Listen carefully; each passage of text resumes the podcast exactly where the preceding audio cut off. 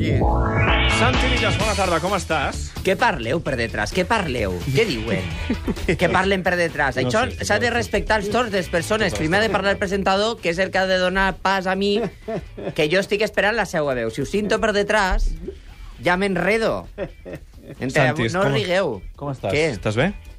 Bé, tinc una mica de mal de cap avui, també Ai, et diré. ai, pobre. No Últimament què- en tens no... molt de mal de cap, trobo. Molta punyeta té, ja Sí? t'ho diré. Però tinc com un mal de cap com si fos a la parpella de dalt, dels dos ulls. Saps què vull dir? Ja, O sigui, no és de, de, de la cella cap amunt. Mhm.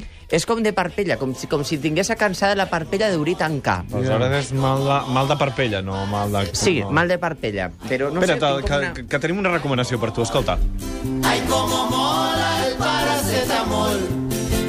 Ah, no, jo no em prec de paracetamol. Ben fet. Jo sóc d'ibuprofeno. Molt bé. Aviam, Santi, des que De dimarts ens vas paracetamol, perquè, parlar... perquè trobo que aprime. Des que ens vas, par...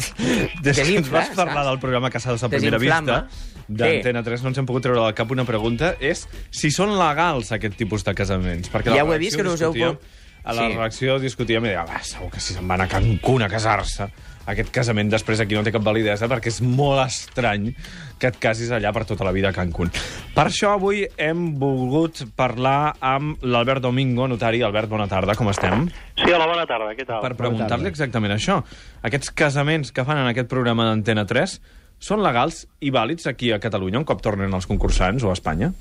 Bé, a veure, si s'han casat d'acord amb la legislació d'allà, amb la forma d'allà, evidentment per aquell país és legal.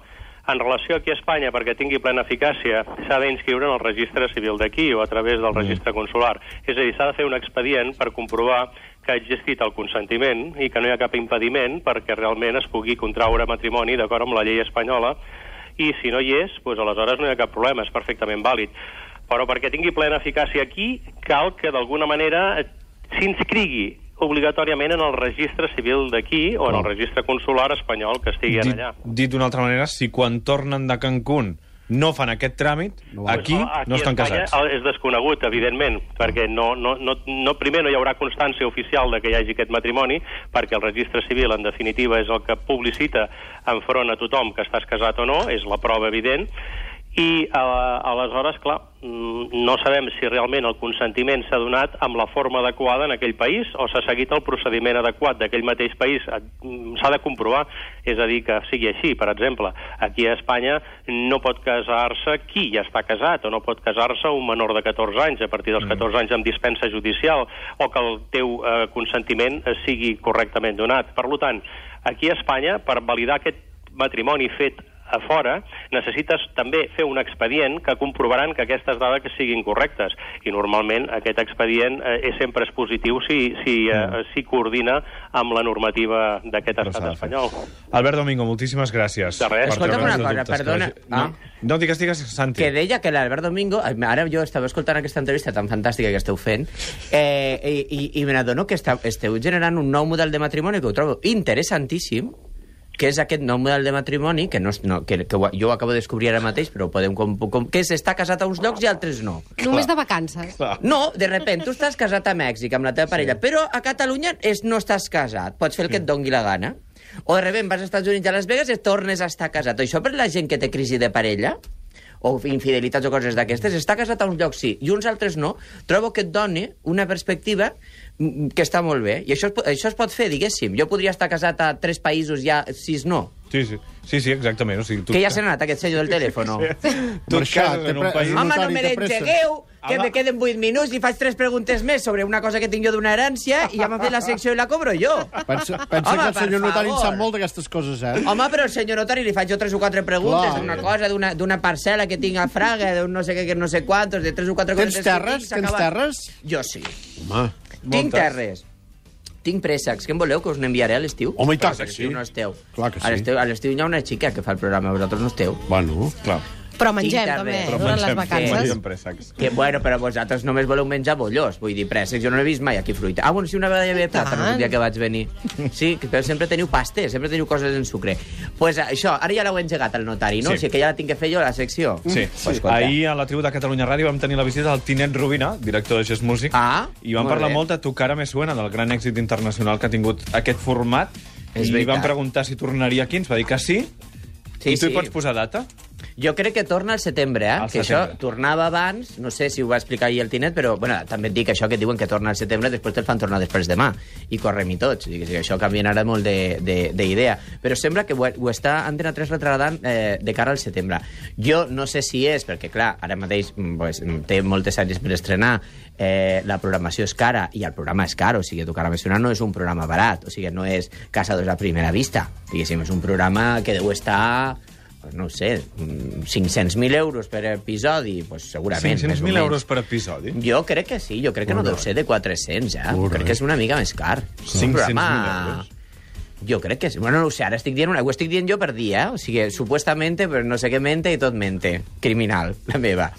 Eh, però sí, home, és un programa car. No, no sé si ara ja val 450 i va començar valent, valent 550, no ho sé. Però diguéssim que és un format de gran espectacle i és un format, home, de famosos que cobren tots. Ens va explicar una cosa molt setmana. curiosa al Tinet, que és que fan una espècie de congrés mundial de Tocar Més Suena.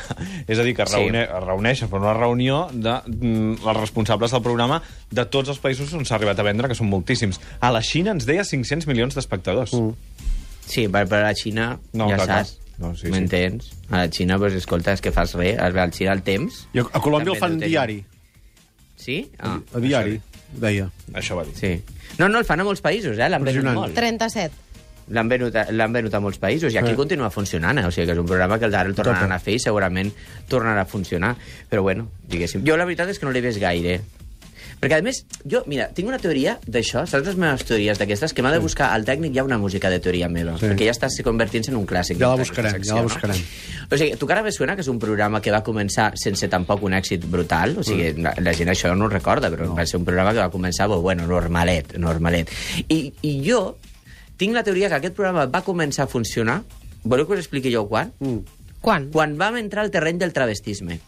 Ah, la sí. primera setmana que van començar a fer vestir els senyors fer de, els senyors vest fer de Shakira Això agrada molt. i a les senyores fer de Camarón Ah, llavors és quan va començar a, pujar el programa. Som un és una país teoria que tinc jo. No està contrastada, però jo ja l'he soltat. És probable, perquè ell sí que el que va admetre és que els primers episodis no havien anat gaire bé. Que després Bueno, va pues ja remuntar- està, la meva teoria va pa'lante. remuntar en un moment determinat, i pot ser que el Veus? moment Doncs pues mira, determinat eh, fos aquest d'aquestes d'aquestes són aquelles, co- aquelles petites coses que jo em fixo. No. En saps de tele, tu, eh? Home, molt. Jo saps què passa? Que jugo en que vosaltres ne sabeu menys. Ja està. O sigui, no, que tampoc te penses tu que té tant misteri, eh? Això la vida és una mica així. O sigui, tu vas a parlar d'algú que, amb gent que sap menys que tu d'allò i ells pensen que en saps tu més. Però tampoc te penses, eh? Vull dir-te, a mi ara posa de Maltina Trovirà en sap més que jo.